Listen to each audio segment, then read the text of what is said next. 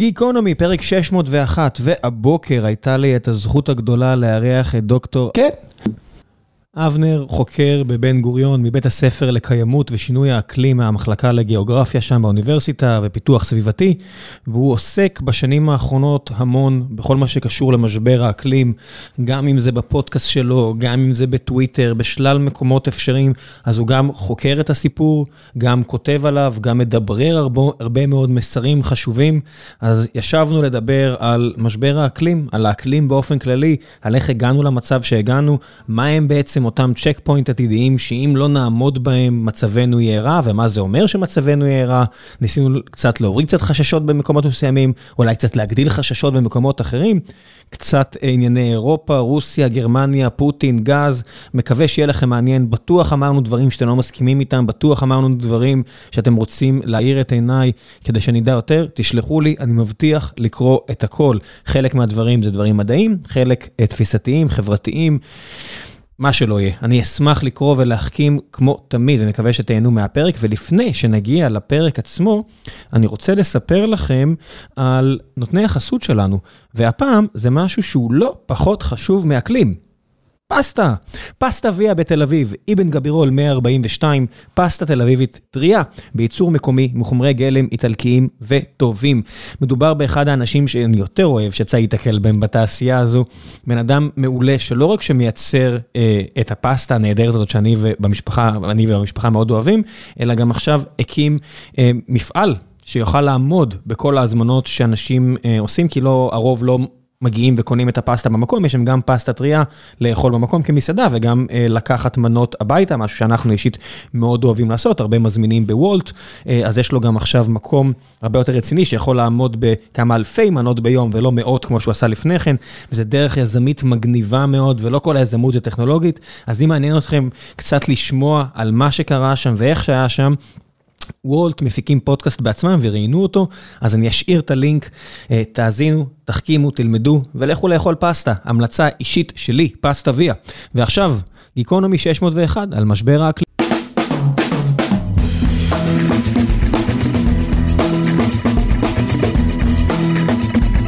גיקונומי פרק 601, והבוקר יש לי הזכות לארח את דוקטור אבנר גרוס מהמחלקה לגיאוגרפיה בבן גוריון, אתה תגיד לי בדיוק עכשיו איך זה נקרא.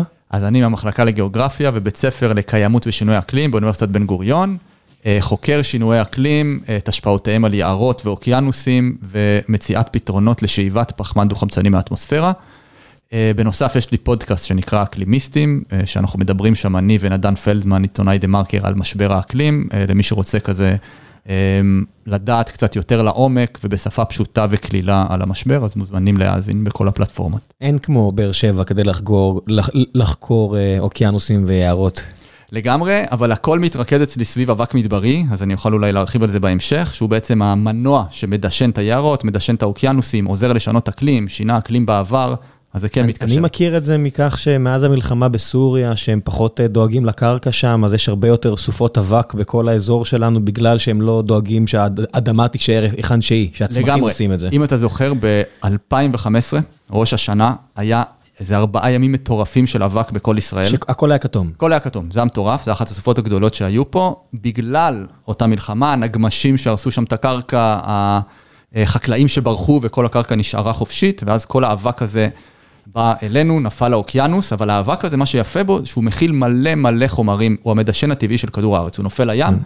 כל האצות גדלות, ומתחילה חגיגה שלמה, היערות הטרופיים בדרום אמריקה גדלים בגלל האבק הזה שתורם להם זרחן ופוספטים וברזל ואשלגן. זה די מדהים שבסוף אנחנו שוכחים שחול, זה יסוד כל, זה לא יסוד, זה, זה תערובות ותרכובות כל כך חשובות שמכילות את הרבה מהדברים, זה גם ליתיום נראה כמו חול, לגמרי. בסופו של דבר. לחלוטין. אנחנו רואים סופות אבק, זה, זה הרבה דברים שהרבה יצורים חיים צריכים. לחלוטין, הם אגב, האבק בעצם, החול המדברי, נוצר מיצורים שמתו בעבר לפני מיליוני שנים, ובעצם יצרו את האבנים האלה, את החול הזה, שהוא מורכב מהשאריות שלהם, לכן הוא מאוד מאוד עשיר במינרלים ודברים כאלה. ובקטע די מעניין, הוא שינה בעבר אה, אקלים של כדור הארץ. מאיזו בחינה? כשאנחנו נכנסים, כדור הארץ נע באופן מחזורי בין תקופת קרח לתקופה חמה, כל 100 אלף שנה יש לך תקופת קרח, איך זה יכול להיות אם רק בימי, ה... לא ימי הביניים, אבל המידל אייג'ז, אתה יודע, המאה ה-12, המאה ה-11, המאה ה-13, היו תקופות מאוד מאוד קרות באירופה, מיני אייס אייג' כאלה. זהו, אז, המיני, אז המידל אייג'ז זה התקופה קרה מקומית, בעיקר באירופה, לא שינוי אקלים גלובלי. Mm. כן, אם אתה מסתכל על זה כזה על גרף, אתה רואה עלייה קטנטנה שלא מתקרבת למה שקורה היום ולא מתקרבת למה שהיה פעם. כזה חצי מעלה. כן, מגניב לראות... Uh... כמה אותה חצי מעלה קטנה שאתם שומעים, ריסקה את האוכלוסייה האנושית, הביאה מגפות, פירקה ממשלות, של, של, לא ממשלות, אבל שלטונות כאלה ואחרים. לגמרי, ותחשוב מה יקרה אם זה כבר יהיה מעלה, מעלה וחצי או שתיים. איזה רגישות יש לכדור הארץ, למערכת האקולוגית, החקלאית, כן? אה, לחברה האנושית, לשינויים מזעריים כאלה באקלים. אז מה יהיה כשנתחמם הרבה יותר מזה? כן. אבל...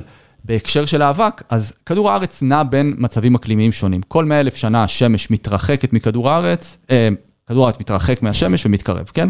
אז 100 אלף שנה הוא רחוק יותר, יש לנו תקופה קרה, תקופת קרח, זה קרה לנו לפני, עד לפני 12 אלף שנה, ברלין, מנהטן מתחת לקרח, כן? נחשו מה קרה בדיוק לפני 12 אלף שנה, מהפכה חקלאית. יפה. ברגע שהתקרבנו לכדור, בעצם כדור הארץ התקרב לשמש, נכנסנו לתקופה חמה שאפשרה את השגשוג האנושי עד היום. פתאום הטמפרטורה הפכה להיות מושלמת, התנאים של הפחמן הדו-חמצני באטמוספירה, הריכוז שלו הפך להיות מושלם, בעצם אפשר שגשוג חברה אנושית, אה, ובעצם אה, התפתחות של אחרי זה חברה טכנולוגית, מהפכה תעשייתית והכול. זה בעיה עם איזה אלף נעלמים, היו תקופות בכדור הארץ שאובר חמצן חיסל יצורים, ה-Great Oxygenation, והיה תקופות שהיעדר חמצן, והיה, אתה יודע, כל מטריקה קטנה שזזה ימינה-שמאלה, לגמרי. משפיע על המון יצורים חיים. זה מטורף ומרתק, ו, ותחשוב שכאילו, אה, במובן הזה, אז כדור הארץ, שינויי האקלים האלה לא משפיעים עליו, כן? ברור שכדור הארץ גם יחזור, אנחנו בסופו של דבר ניכנס שוב פעם לתקופת קרח, עוד כמה אלפי שנים בודדות. כן, הוא היה פה לפנינו, הוא יהיה פה אחרינו. הוא היה פה אחרינו. השאלה מה יקרה למינים שחיים בתקופת המעבר האלה, וזה בעצם העניין הגדול, כן? בדרך כלל כשיש שינויי אקלים, יש הכחדות מינים גדולות. וחברה אנושית כנראה לא תוכל לשגשג כמו החברה היום בעולם קר יותר, או בעולם חם יותר, כמו זה שאנחנו נכנסים אליו עכשיו. יגידו לך הרבה מאוד אנשים שאולי, לא יפה להגיד, אבל אולי לטובה, שאתה רואה את הגרפים של התפוצצות אה, הילודה ברחבי העולם, אולי הבעיה האמיתית היא שהדבר הזה לא סקלבילי. אה, אתה יודע, לחלוטין. אתה מסתכל על ערים בניגריה ובהרבה מקומות באפריקה שקופצות ממיליון שתיים לפני עשרות שנים, לעשרות מיליונים עוד עשרות שנים. זאת אומרת, בתקופה של 100 שנה, קפיצה לא נתפסת, שאין באמת איך להכיל אותה. וזאת אחת הסיבות בעצם למשבר האקלים ולמשבר האקולוגי. זאת בעצם התשובה של כדור הארץ. כמו כל מין אקולוגי שגדל מעבר ליכולת של הסביבה לשאת אותו, מתישהו מתחיל איזשהו תהליך שיכול להיות, שבעצם בסופו של דבר יקטין את מספר הפרטים, כן? והמערכת תחזור לאיזון. אני לא אומר שזה מה שהולך לקרות, כמובן, כן? כי אנחנו בני אדם, מין שיכול גם להשפיע, לשנות את הדרכים ולהשפיע על הסביבה שלו ולהחזיר את המצב לקדמותו. אנחנו גם מין חושב, אתה בסופו של דבר. מינים אחרים אה, רק מנסים להתרבות כדי לשגשג ויהי מה. עד שהם קורסים בעצם, ברגע שהם עולים. נכון, אבל זו תופעה טבעית שאפשר לחשב אותה ולסמלץ אותה ולנבא אותה. אצל בני אדם אה, יש רק מאז הבייבי בום, יחסית מהר, כבר הגענו להמון מדינות, בטח בעולם העשיר. שמבחירה האוכלוסייה מצטמצמת וחזק. סין עם אה, היום יותר ממיליארד אנשים, צפויה להגיע לחצי מיליארד בגלל שהם פשוט אין מספיק ילדים. לגמרי. אירופה, אה, יפן, הרבה, רוסיה כמעט ונעלמת מבחינת אה, כמות האוכלוסייה שמסתכלים עליה, גם הגירה החוצה, גם מעט ילדים. כן, זה מטורף, הייתי בדיוק עכשיו, חזרתי מיוון ולא ראיתי שם כמעט ילדים, חוץ מתיירים, ובאמת, יוון, מסתבר שיש שם 1.2 ילדים לאישה, שזה אומר שהמדינה בסופו של דבר תלך ונכון? כאילו, 1.2. שיעור ההחלפה זה 2.1. כל דבר פחות כן, מ-2.1 כן. אומר שהאוכלוסייה קטנה ולא גדלה. אה, לא, לגמרי. אז, אז בהחלט נראה שיש איזושהי עצירה, נראה לי, בעלייה בכמות בני האדם בעולם. בעולם העשיר. בעולם העשיר? לא. לא, האמת היא שיש מדינות גם בעולם, אה, אה, סין והודו יש ירידה מסוימת, באפריקה זה עולה, ישראל היא אגב משהו חריג. ישראל חריגה באופן כללי. באופן כללי, כן. אבל כמות האנשים בעולם צפויה רק לעלות וחזק ומהר. למי שהבין פה מבין השורות שהאוכלוסייה אמורה להיעצר, לא, זה לא... אין גרף שמראה שהאוכלוסייה לא מתפוצצת. אגב, ציוץ של אילון מאסק מאתמול, שאומר שהאיום, תמיד אילון מאסק אמר, האיום הכי גדול על האנושות זה climate change, ואתמול הוא צייץ אה, שהאיום הכי גדול לאנושות זה אה, שאין מספיק ילדים, כאילו צמצום ילודה.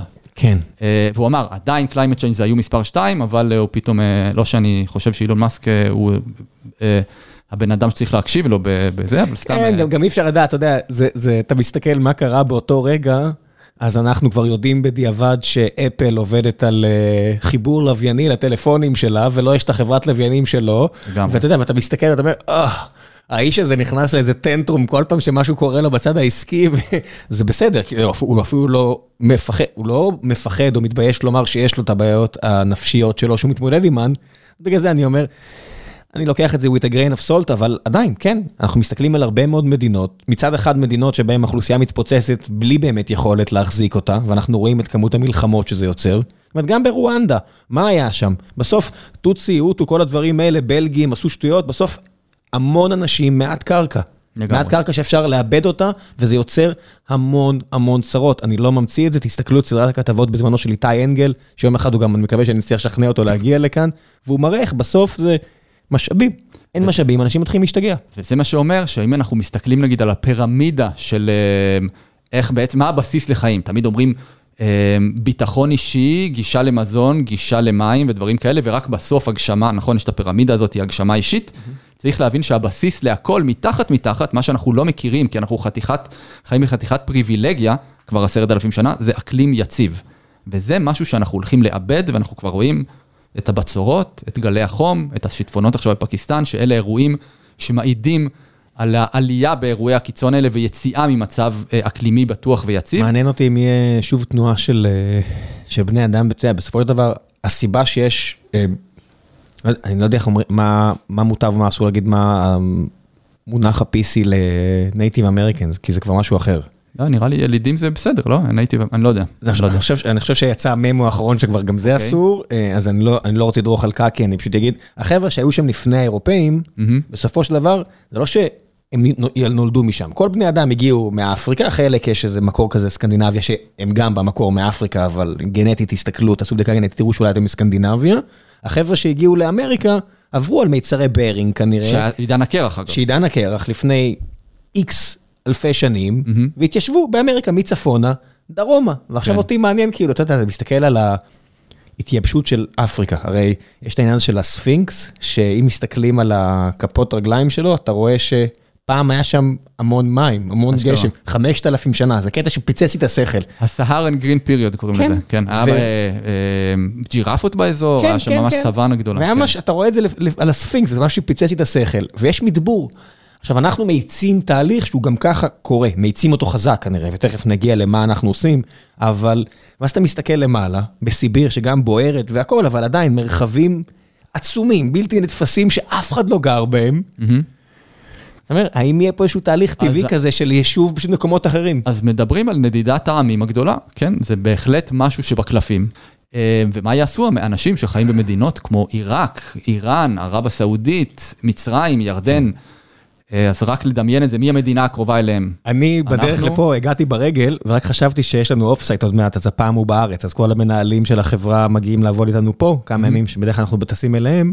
רק אמרתי לעצמי, החבר'ה שגרים ב... לא יודע, יש לנו מנהל מסיאטל שמגיע. אם הוא עושה איתי את ההליכה הזאת, עכשיו, היום, 2022, הוא היה אומר לי, אני לא יכול לגור פה. לגמרי. זה לא נורמלי מה שקורה פה. אז אני רק מסתכל על, על בצרה וכל הדברים האלה בעיראק, אתה אומר שיש שם כבר שבועות שהממוצע הוא כבר 50. לגמרי. וואט דה פאק, איך אתם חיים שם? אמ, ותחשוב שאין להם גישה למים, אין להם יכולת להתמודד מול השינויים האלה, אין להם סגנים, אין להם מספיק חשמל, לאן הם ילכו? ואתה אומר, תמיד המלחמות היו על משאבים, על קרקע, על שטח. השטח הראוי לקיום חיים ילך ויצטמצם, היכולת להיות, לעשות חקלאות תלך ותצטמצם, כן? כן. יתחילו מלחמות על הדברים האלה. מה זה יתחילו? יש מלחמות על הדברים. יש מלחמות על הדברים האלה, זה רק כן. ילך ויתעצם, וזה בעצם החשש הגדול. אז יכול להיות שהעולם המערבי או חלקים ממנו יהיו בטוחים יחסית, העשירים יהיו בטוחים, העניים לא, והם יבואו לבית של העשירים, כן. ומשם יתחיל כל ה... הדבר הזה, כן, אנחנו לא חיים באיים.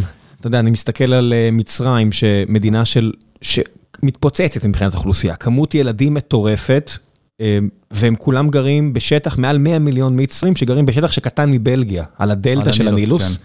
והשכנה מלמטה, אתיופיה, רוצה חשמל, נקי, חשמל שאתם במחלקה לקיימות תגיד, פנטסטי, הידראולי. אמ, איך אומרים, הידראולי? לא הידרואלקטרי. הידרואלקטרי, סליחה על הטעות. וסוגרים להם שם את הזרם, כן. כן, הם הולכים לסגור להם את מקורות המים, זה האיום הגדול.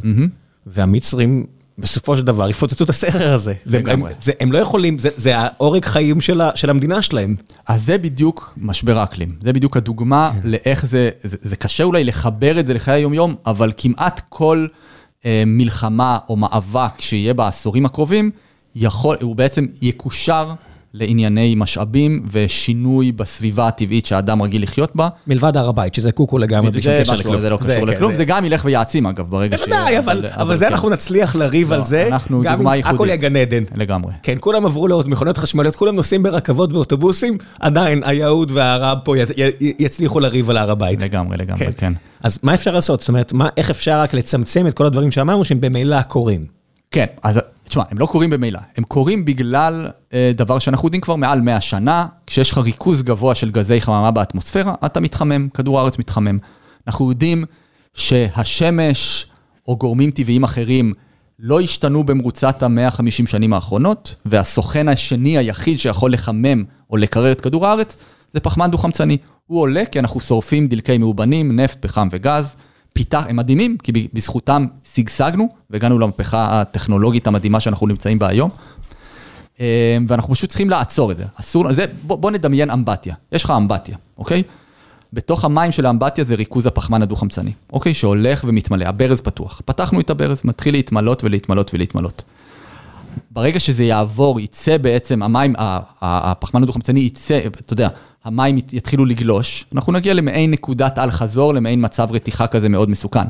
אנחנו צריכים לעשות שני דברים. אחד, לסגור את הברז, זה אומר לעבור לאנרגיות מתחדשות, לנתק את הפחמן מהכלכלה, להפסיק לשרוף דלקים בכל, אה, או לפחות לצמצם את זה כמה שיותר, אבל יש לך גם את האפשרות של הניקוז, נכון? אמפתיה.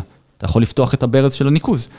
אז יש לך את היערות ששואבים פחמן דו-חמצני בתהליך פוטוסינתזה, הם באים לעזרתך, הם לקחו רבע מכל מה שפלטנו עד היום.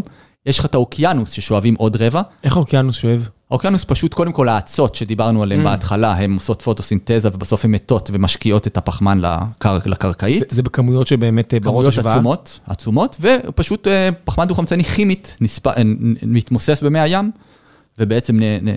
נכנס לתוך המים. הבעיה כשאנחנו מתחממים, הוא סופח פחות. זה בעצם משוב שמחמם אותנו עוד, ולכן האקלים הוא בעצם מאוד מאוד רגיש להתחממות הזאת. אתה מתחמם קצת, אתה תתחיל להתחמם הרבה יותר. אמרת 100 שנה, ובאמת אה, כל הנייסרס מראים אה, כותרות שניסו להפחיד וכאלה לפני עשרות שנים. יש אה, היפותזות או תיאוריות אה, שהפחידו, שהתבררו בסוף שהצלחנו להם, שיכלנו להם, למשל החור באוזון, שאני כמעט לא שומע עליו. אז החור באוזון, אני חושב שזו הדוגמה, ההצ- ההצלחה הטובה ביותר של התנועה הסביבתית אי פעם. אני זוכר שאני בתור אה, ילד שגדל כזה, גיל, כן. כן, ב nineties כזה, אני זוכר שהייתי ממש בחרדה מהדבר הזה. באמת, אני ממש זוכר. אתה היית עוד אז, אה, עוד כילד זה היה כאילו בוער אצלך? ממש, ממש, ואני חושב שזה אחד הדברים שהדליק את זה אצלי. אני זוכר שהייתי קורא כתבות בכל מיני מקו- מקומות, ופשוט זה הדאיג אותי. תחשוב, תמיד אמרו לנו, נכון, שהאוזון הולך לזה, יהיה לכולנו סרטן, לא נאכל זה, הקרינת, זה היה ממש מפחיד. ובאמת, אני פתאום נזכרתי שלא שמעתי על זה, זה, התחלתי להכין, כש, כשהגעתי לבן גוריון לפני ארבע שנים, הכנתי קורס מדעי כדור הארץ, כן? ואמרתי, רגע, מה עם האוזון הזה? אולי אני אדבר עליו קצת. התחלתי לחפור, לראות מה קורה איתו, הבנתי שלא שמעתי עליו שנים. ומה קרה שם? פשוט הייתה הצלחה מדהימה. המדענים הודיעו בשנות ה-70, יש גזים שנפלטים מקירור, מזגנים ודברים כאלה, שמגיבים עם האוזון ומורידים אותו וזיהו חור ענק באוזון. באוסטרליה, ניו זילנד, נכון? אוסטרליה, ניו זילנד, אנטארקטיקה, כן. אמרו, הם, המדינות התאחדו יחד ואמרו, אוקיי, בעיה סביבתית אה, שמסכנת את הקיום, חייבים להתמודד איתה. הוציאו מחוץ לחוק את הגזים האלה, ועידת מונטריאול ב-1980 ומשהו, אוקיי? חברת דופונט, חברת גדולה, הכי גדולה של אה, אה, ש- אה, אה, הפקה של אותם גזים, התנגדה, ניסתה להכחיש בכל הדרכים, כמו חברות הדלקים שעושות היום. אה, היא הייתה קטנה מדי, זה לא עבד לה, ובסופו של דבר היא אגב היום המובילה בגזים החליפיים. הגזים האלה הוצאו מחוץ לחוק, והנה, החור באוזון הולך ונסגר, ותכף ייעלם בגלל פעילות מדינית, ציבורית וסביבתית מאוד מאוד יעילה. כן, יש, יש תמיד את הנושא שאני תמיד חוזר אליו, ואני תמיד עושה לו עוול, של העניין של הלד באוויר, של דוקטור פטרסון, שהוא ניסה להתחיל לעבוד על דברים סביבתיים, ועד שהוא גילה שיש המון עופרת בכל מקום. ואמרו לו, בסדר, תמיד היה עופרת בכל מקום. והוא הלך ומצא כל מיני דגימות, והוכיח, אחד, אדם אחד כנגד כל העולם התעשייתי, והראה, לא, זה חדש. אנחנו דחפנו את כל העופרת הזו לאוויר של כדור הארץ, אבל לכל מקום, וזה הכל בגלל התוספת של העופרת בעיקר לדלקים, כדי להגן על מנועים, שזה עוזר להפחית בלאי טבעי של המנועים, לא טבעי, אבל בלאי של המנועים, והכמות עופרת פשוט הרעילה את כל האנשים בכדור הארץ, ומרגע שעברנו לנטול עופרת, זה ירד, ואתה ממש יכול לראות, יש ממש קורלציה חזקה, אני מקווה שזה לא פייק ניוז, אבל הסתכלתי, אני חושב שזה לפחות היה מאמרים די רציניים, הפגיעה בנקודות ה-IQ, שאם נולדת בשנות ה-70, איבדת איזה 4-5 נקודות, בשנות ה-80, 3-4 נקודות, נולדת בשנות ה-90, הרווחת את הנקודות שלא איבדת שם, אולי טיק טוק ייקח לך את זה בעתיד, אבל אתה יודע. וזה הכל בגלל בן אדם אחד שלא ויתר, וכולם אמרו לו, אתה מטומטם, אין דבר כזה, תמיד הייתה עופרת בכדור הארץ באוויר, זה פשוט משהו שקורה, המציאו כל מיני תיאוריות שקריות בעליל, והוא פשוט לא ויתר, ורובנו, הוא לא קיבל פרסים, ורובנו לא מכירים זה, והוא הציל כאילו כמות לא נתפסת של בני אדם כנראה, ואת האיכות חיים של בני אדם, ואין יותר עופרת, לא בדלק, לא ב... וואלה, לא חשבתי על זה, שזה מה שזה אומר נטול עופרת אף פעם. לא בצבע. כן, וזה פשוט הרעיל כמויות עצומות של אנשים, הכל בגלל חוקר אחר, שחיפש לתקן את העניין של הזה של מנועים, אז הוא דחף עופרת, וזהו. ופשוט שרפנו כמויות בלתי נתפסות של עופרת שהתפזרה בכל כדור הארץ. גדול. תשמע, השאלה היא, האם עכשיו אנחנו יכולים לעשות את זה בסקאלה הגדולה באמת, וזה בעצם להיפטר מההתמכרות שלנו לדלקים. האם אנחנו יכולים להוציא את הפחמן הזה מהכלכלה? זה גם הורג לנו בשנה בין 4 ל-8 מיליון איש, יותר מכל מה שמתו בקורונה בעולם. סך הכל? לא, רק מזיהום אוויר. כן, מרגיש לי כאילו זה מספר אפילו שמרני. אפילו יותר, יכול להיות, נכון. אבל לא, אומרים 4, עוד 4, בין 4 ל-8, כשמתוך ה-8 הזה, זה 4 מיליון מתים באפריקה מתנורים שיש להם בבית. אבל זה מה, זה מחלות ריאות וכאלה? מחלות ריאות, כן, סרטן, מחלות לב ודברים כאלה. וכמובן הנזקים האקלימיים העצומים שאנחנו מכירים אותם, הם ברורים, והנזקים, זה בעצם האתגר או המשבר הגדול ביותר בתולדות האנושות, שאין היום עוררין שהגורמים לו זה... יש עוררין, אני אגיד בשביל האחוז הבודד שכן מעורר... אז אני חושב לגבי זה, אגב, העוררין הוא לא נמצא בקהילה המדעית של חוקרי שינוי האקלים, הוא נמצא בעיקר ברשתות החברתיות. אין חוקרים רציניים שכן מתנגדים להיפותזה או לתזה שהבעת כאן? לא, אני לא מכיר אף לא אחד כזה שמתנגד, שיכול לבוא לכנס מדעי, יש כל שנה כנס בסן פרנסיסקו של 20 אלף מדעני אקלים מכל העולם, יש כל שנה בווינה, אחד באירופה. לא ראיתי לעולם הרצאה שם, מישהו שם שטוען שההשפעה האנושית היא לא משמעותית או קטנה. משחשבו, זה, זה, זה, זה נושא שהוא יחסית למה שאפשר לדעת במדע, אי אפשר לדעת שום דבר ב-100%, בוודאי, אבל יחסית הוא כמעט... ובטח בנושא האקלים שהוא מורכב. שהוא מורכב, אז, דף, אז בנקודה הזאת ההבנה שלנו מאוד מאוד טובה, וכרגע אין שום תיאוריה חליפית שמראה... אם נשים על סולם את הפולטים הגדולים, זאת אומרת, היה פה לא מזמן, אה, הגיע אה, אדם לספר על אה, נמלים ועל ספינות מסע, mm-hmm. והוא זרק שם איזשהו נתון שפיצץ את השכל. שהוא? אה, דוקטור אליקים, שכל ספינת מסע ענקית כזו שהוגנת ליד חיפה, או אשדוד, או תל אביב, תל אביב פחות מן הסתם, בגלל הנמל הקטן יותר, מזהמת כמו מאות אלפי כלי רכב. וואלה. כל רגע שהיא נמצאת ליד הנמל. אמרתי, רגע, אבל אף פעם, זה לא מדובר על נמלים, אתה יודע, אני שומע על רכבים, טסלה, על ספינות ענק, לא שמעתי. ואז דה מרקר התחילו עם, ואני מניח שזה קשור למי שעושה איתך את הפוד כנראה, על מטוסים פרטיים. על כך שכל אדם שטס מטוס פרטי זה כמו איזה 3,000 כאלה אחרים. כן, כתבה מעולה שלי, ירון דווקא, לפני כמה... ובאמת גם יהיה מישהו שהוא בעלים של חברת מטוסים פרטיים, שיגיע בנובמבר או דצמבר לדבר בדיוק על הנושא הזה, והסתכלתי על זה, איפה זה ביחס ל... אתה יודע, אם אני רוצה להזיז את המחט, אם אני רוצה לפתור את הבעיה, מי המוברים והשקרים הגדולים? אז זהו, אז בואו נראה מאיפה מגיעות הפליטות של גזי החממה. רבע מגיע מתחבורה, שזה מטוסים, אוניות, כלי רכב פרטיים, אוטובוסים והכול, שמתוך זה טיסות, אגב, זה כולה 2%. אז כל הסיפור הזה, 2%. וספינות, אתה יודע? ספינות, 2%. הספנות, 2% גם. רק 2%?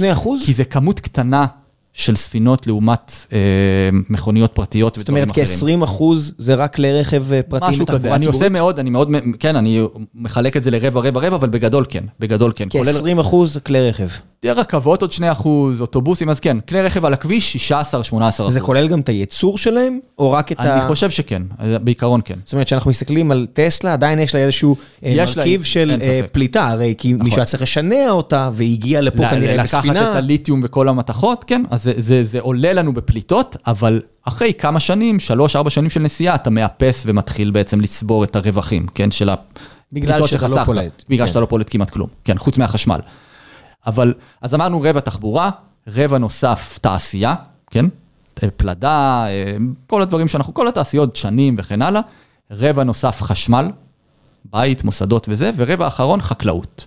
זה בגדול ארבעת הרבעים. כשחקלאות זה מה שבדרך כלל מצמידים למזון מן החי. ש... מזון מן החי זה, זה 15% מזה, כי באמת אתה כורת המון יערות, אתה צריך המון שטח, הפרות עצמן פולטות גזי חממה, מתאן ודברים אחרים כחלק מהמטאבוליזם שלהם.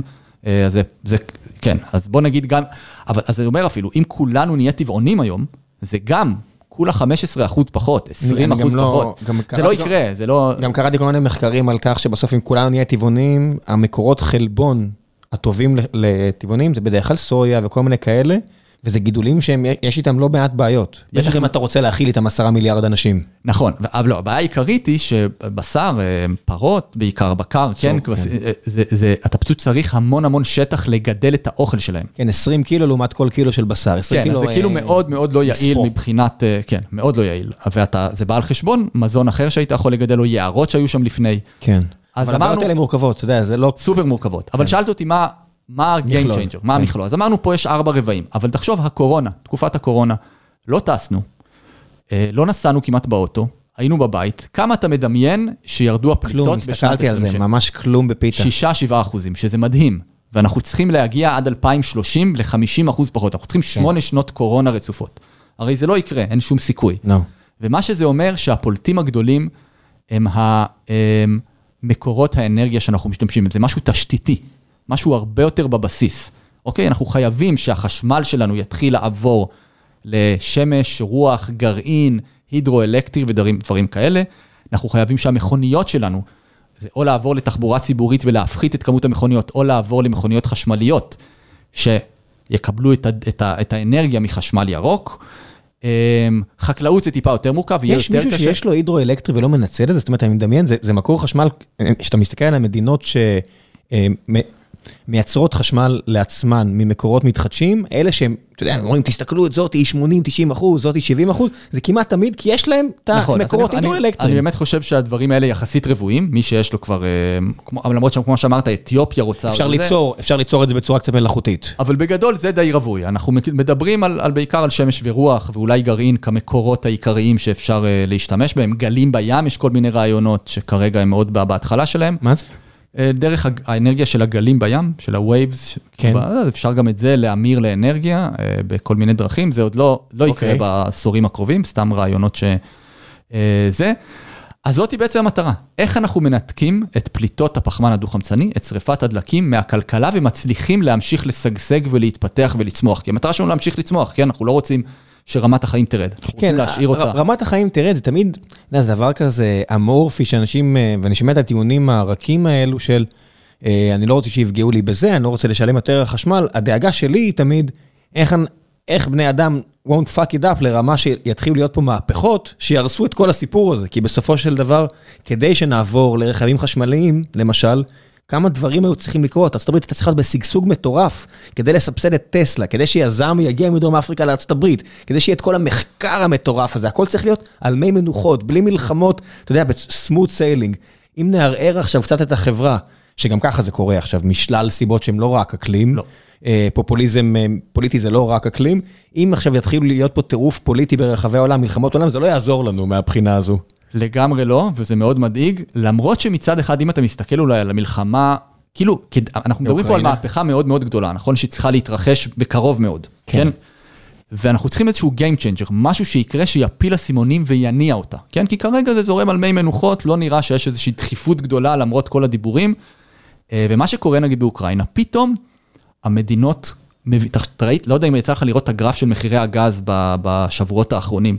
ושל הפחם, זה פשוט בלתי נתפס. כן, העלייה בחשמל, שאתם משלמים יותר על החשמל אה, במדינת ישראל, זה בעיקר בגלל, לפחות לעליות האחרונות, זה בגלל פחם. פחם. כי אנחנו עדיין שורפים, בחדרה עכשיו אני חושב בדיוק הפסיקו, אבל במקומות אחרים עדיין שורפים פה לא פחם. הפסיקו, אבל מנסים מאוד להעביר את זה לגז, אבל כן, אנחנו, נכון? פחם פשוט עף לשמיים מבחינת המחיר שלו, זה בסוף, גם אם עכשיו סין תפלוש לטיוואן ולא יהיו יותר שבבים, הבעיה בפחם שזה פשוט וזה פתיר, אנחנו יודעים איך להפיק אנרגיה מפחם וזה ה-go to move שלנו, נכון. והמחיר שלו פשוט עף לשמיים, זה הסיבה שאנחנו משלמים עכשיו יותר חשמל, כי לא, לא הספקנו להעביר הכל לגז. לגמרי. אז פחם, אז בעצם המלחמה הזאת גרמה למחסור גדול בפחם ובגז, מחירי החשמל עלו באופן, אה, בפלאים. ומה פתאום מבינות רוב המדינות בעולם, אמריקה ואירופה, לפחות בעולם המערבי, שהמעבר לאנרגיות מתחדשות הוא לא רק צורך אקלימי, הוא צורך של ביטחון לאומי. אי אפשר להיות תלוי, אלוהים לא חילק שווה בשווה את המשאבים האלה, את הדלקים הפוסיליים, את הפחם והגז בכל העולם, נכון? הוא נתן אה, לסעודיה, לאיזה דיקטטור ברוסיה, קצת לאמריקה, קצת המון לזה. לאיראן, המון לוונצואלה, המון לארצות נכון. הברית. אז לא במדינות שהיית רוצה אולי שזה יהיה. היי חבר'ה, לפני שנחזור לפרק, אני רוצה לספר לכם על נותני החסות שלנו, והפעם זו חברת טוסית. חברת טוסית, מלשון לשבת, מתמחים בפתרונות ישיבה. הם יודעים לדאוג לט... לטוסיק שלכם ולגב שלכם ולכיס שלכם, וזה לא משנה אם אתם אדם בודד שיושבת ומקודדת בבית וצריכה כיסא נוח, או אם את מנהלת חברה ועברתם משרדים, ועכשיו אתם צריכים 500 פתרונות ישיבה אה, למפתחות ולמפתחים, למקודדים, לכלכלניות, לחוקרות, ולא משנה מה. הכל אפשר למצוא בטוסית, עם אולם התצוגה המעולה שלהם בבני ברק מול אה, קניון איילון שם. אני הייתי שם מספר פעמים, קניתי שם מספר פעמים, גם לאנשים אצלנו, גם לי בבית. מחירים מנצחים, כיסאות מעולים, חלק מיובאים, חלק מיוצרים פה בארץ, ומה שאני אוהב, שוב, זה ההתאמה האישית. העובדה שהחבר'ה האלה יודעים את העבודה ויודעים להתאים לכם את הכיסא הנכון עבורכם. אחת מהטעויות שאתם יכולים לעשות, שהרבה עושים, זה לקנות באינטרנט, ואז זה מגיע, ואתם משכנעים את עצמכם שזה נוח, אבל בפועל זה לא כל כך נוח וזה לא כל כך נכון עבורכם. אז תגיעו לשם, תקנו את הכיסא הנכון עבורכם, כי אתם שנים תשבו על הכיסא הזה, ואתם תצטערו אם לא תקנו את הכיסא הכי טוב שאתם יכולים עבור הכסף שלכם. אם אתם כבר משקיעים, תשקיעו טוב. חברת טוסית, אם תגיעו ותגידו שהגעתם דרך גיקונומי, גם תקבלו 25% הנחה על הכיסא הראשון שתקנו שם.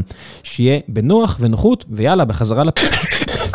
ועכשיו אתה... לא היו רוצות, המדינות שיש להם מאוד שמחות שזה ככה. נכון, אבל כן, עכשיו אנחנו בעצם הרבה, כן. תלויים באנרגיה שלנו ב... אה, הנה, פוטין מחזיק את כל אירופה ו- ומעלה שם באופן, בגלל פלישה למדינה, מעלה שם את מחירי האנרגיה ומערער את כל המצב ביבשת. אבל זה לא ש... אתה יודע, אם יש מדינה בעולם שבאמת חושבת ירוק ורוצה ירוק ופעלה ובדקה כיוונים, זה המרכז האירופאים. זאת אומרת, הם באמת מיינדד לדברים האלו, הם באמת חשבו על איך נשים, נרצף את כל צפון אפריקה בפאנלים סולאריים וננסה להוליך את האנרגיה הזו למינכן. זה פשוט, הם לא הצליחו לעשות את זה בזמן. זה לא שלא הצליחו, תשמע, אה, גרמניה 50% מהחשמל ירוק, מרוח ושמש והידרואלקטרי, ו... וגרעין. 50%, כן? ה-50% האלה, אה, עדיין יש לך 50% שהוא פחם ו... וגז, כן? אז זה רגע, מה שמעלה... 50 אחוז זה בלי הגרעין שלהם? 50% לדעתי בלי הגרעין, 50% ירוק, אנרגיות מתחדשות. וגרעין אוקיי? לא נחשב ירוק? גרעין יכול להיחשב ירוק מבחינת זה שהוא לא פולט פחמן דו-חמצני, והוא בהחלט אה, חלק מסל הפתרונות משפיע למעבר. לאפס פליטות. גם אם יהיה לנו הוא פשוט נזק. לא נחשב אנרגיה מתחדשת, אני חושב שזה. הכיוון, כן? כן, אה, זה נפלט, כן. כן, בדיוק. אז, אה, הסיפור הזה מת מתישהו. כן, אז לגרעין יש יתרונות, יש חסרונות, אבל הוא חלק מסל הפתרונות ללא ספק. אבל אני חושב שהאירופאים מתחילים להבין, אה, כן, אה, הדבר הזה מחייב אותנו עכשיו להוציא לחלוטין את הגז והפחם מה... מה מ, מ, אה, מקורות האנרגיה שלנו, ולהתחיל להסתמך על דברים שאנחנו יכולים לייצר בעצמנו. מדינה כמו ישראל למשל, שאין לה הידרואלקטרי, אין לה כור אטומי לייצור אה, חשמל, זה בכלל תיאורטית אפשרי כרגע ל-100% ירוק? אז יש מחקרים אה, שהראו שאפשר 95% מהאנרגיה בישראל לייצר בעזרת אה, אנרגיה מתחדשת, בלי לקחת יותר מדי שטחים, שאתה עושה את זה על בניינים מה זה החמישה אחוז הנותרים לילה, שם, אה, לילה? פברואר בעיקר, שיש מעט שמש, כי רוח פה פחות רלוונטי, זה בעיקר אנרגיה סולארית, שיש חודש אחד שבו לא נוכל לעשות את זה ונצטרך להשתמש בגז למשל. מה, מה עושים בלילה? אז בלילה יש לך כל מיני דרכים להשתמש באנרגיה הזאת. אתה יכול קודם כל, האנרגיה, אה, תראה, הגריד החשמלי העתידי יהיה אחרת ממה שאנחנו רגילים לחשוב. הוא יהיה מורכב מכמה אה, מקורות, שפשוט יש לך איזו מערכת שמניעה בין המקור הכי זמין והכי זול בכל רגע. שמש ורוח ב-2020 הפכו להיות האנרגיות הזולות ביותר שיש בעולם. יותר מגז, יותר מפחם, יותר מהכל. אז ברגע שיש לך הרבה שמש ורוח, אתה רוצה כן? זה פשוט כמעט בחינם. זה כל כך זול, שאתה רוצה שכל החשמל שלך יגיע מהמקורות האלה, אם יש לך את הפאנלים ואת התחנות רוח וכן הלאה. בזמנים שאין, אתה מעביר או לאגירת אנרגיה שחייבת להשתפר, כרגע אנחנו לא שם, אבל כמו שאמרנו, צריך להשקיע במחקר ופיתוח, אתה צריך לגרום לה להיות שם, כן?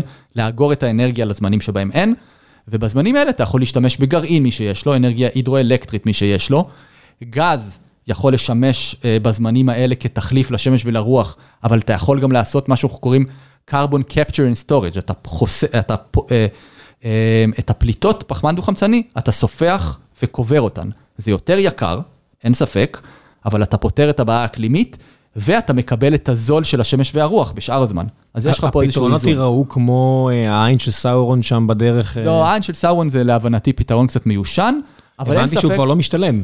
ואני לא, לא, לא מכיר את הפרטים, יכול להיות שהוא לא משתלם. אז מישהו התחיל להסביר לי שם, בטוויטר שלח אותי לקרוא, שרק בגלל אה, הסכמים שהם חתמו מראש, החברה שייצרה את זה, אי אפשר להוריד את זה, כי כבר כרגע יש פתרונות יותר טובים, זה מדהים, אתה יודע, שאתה מסתכל על הסרט של אה, מייקל מור, mm-hmm. אז הוא יורד שם על, על הפאנלים הסולאריים והכל מלפני עשר שנים, זה היה נורא מסובסד, אבל הטכנולוגיה כבר התקדמה כל כך, שרוב מה שהוא מדבר עליו הוא פחות לא רלוונטי. רלוונטי, לגמרי. אבל זה היה אז. זה היה אז, ואנחנו לא שם, אנחנו לא שם. סין נכנסה לתמונה חזק, אה, הסובסידיות, כמו שאמרת, אילון מאסקים שקיבלו... מאוד עזר. מאוד עזר, ככה זה עובד, ככה זה עובד. גם כשגילינו את, הנ... את הפחם ואז את הנפט והגז, ככה זה עובד. כשמצאנו חיסון לקורונה, ככה זה עובד. ארה"ב נתרה רשת ביטחון אדירה לפייזר ולמודרנה, לפתח את החיסון. גם בנקים שקרסו ב-2008 קיבלו הלוואות, בסוף הם לא קיבלו, אנשים חושבים שהם קיבלו כסף חינם, לא, הם קיבלו פשוט הלוואות ממשלתיות שהם בסוף החזירו, הממשלה גם הרוויחה, אבל הם קיבלו את העזרה הזו. לחלוטין, לחלוטין, וזה בסדר, וכשיש לך איום אה, בסדר גודל כזה, אה, כמו הקורונה, כמו משבר כלכלי, כמו משבר האקלים, מדינות חזקות צריכות לפעול ולצמצם את האיום הזה. אה, אגב, נאסא, כן? שפעם הייתה כולה מרוכזת בחלל, לאט לאט הולכת ונהיית מרוכזת יותר במחקר אקלימי, אה, וזה מצוין, זה עוד דרך של השלטונות, כן, של הממשלות, ממשלה אמריקאית במקרה הזה, אה, לעזור, לקחת את הכסף של משלמי המיסים ובעצם לעזור לפתור את המשבר. יש סכנה של אינטרסים מנוגדים, זאת אומרת שבגלל שהרבה חבר'ה בנאסא, אתה יודע, שהגיע SpaceX ושתה להם קצת המילקשייק, אז הם עכשיו מנסים טיפה to over, להפחית טיפה מעבר, או מעבר ליצור את הדחיפות, שאני מבין את זה, אני תמיד כשאני מסתכל על הדברים האלה, וגם בקורונה חששתי מזה, שההפחדות, ברגע ש... ברגע שתפספס, זאת אומרת, אם תפחיד יותר מדי ויתפסו אותך, הפגיעה באמון יכולה להיות מסוכנת. כי היום, על כל קצה של חוט שתשאיר, מישהו כבר ידאג, ידאג לתפור סוודר. לגמרי, לגמרי. אז, אז זה משהו שבהחלט צריך לשים לב אליו. כן. ודווקא, אז מצד אחד יש הרבה טענות שבאמת התקשורת והמדענים מפחידים יותר מדי. מצד שני, יש הרבה טענות שאומרות שהם מפחידים פחות מדי, שיש דוח שנקרא ה-IPCC, שזה דוח האקלים שיוצא כל כמה שנים, שבעצם התנ"ך של מדע האקלים. 14 אלף עמודים בכתב קטן כזה, מסכם לך את כל האלפי מאמרים שיצאו באותם שנים, כן? וזה בעצם כל המידע האקלימי שהצטבר, והוא אומרים שהוא דווקא שמרן מדי. כן? שהוא דווקא לא מראה את הסיכונים הגדולים ביותר שיכולים להיות. אז אין ספק שיש פה עניין של פגיעה, של, של איך, איך אתה מעביר את המסר הזה. ועד היום, אגב, המסר עובר באופן מאוד גרוע, כי כמו שאתה רואה, אנחנו לא פועלים להתמודד, לא קרובים לפעול. לא, אני רואה שכן יש, אתה יודע, א' כל, זה נמצא ב top of the mind של הרבה מאוד אנשים.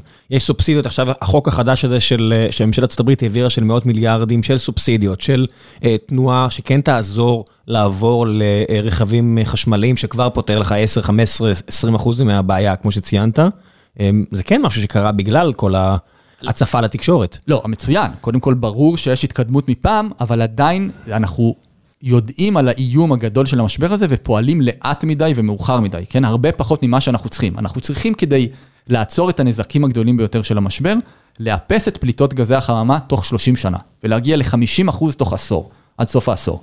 נראה לך שזה משהו שהולך לקרות? לא, אני מניח שלא, אבל מה, מה זה הצ'ק? אף פעם לא הבנתי כל הנקודות ציון האלו.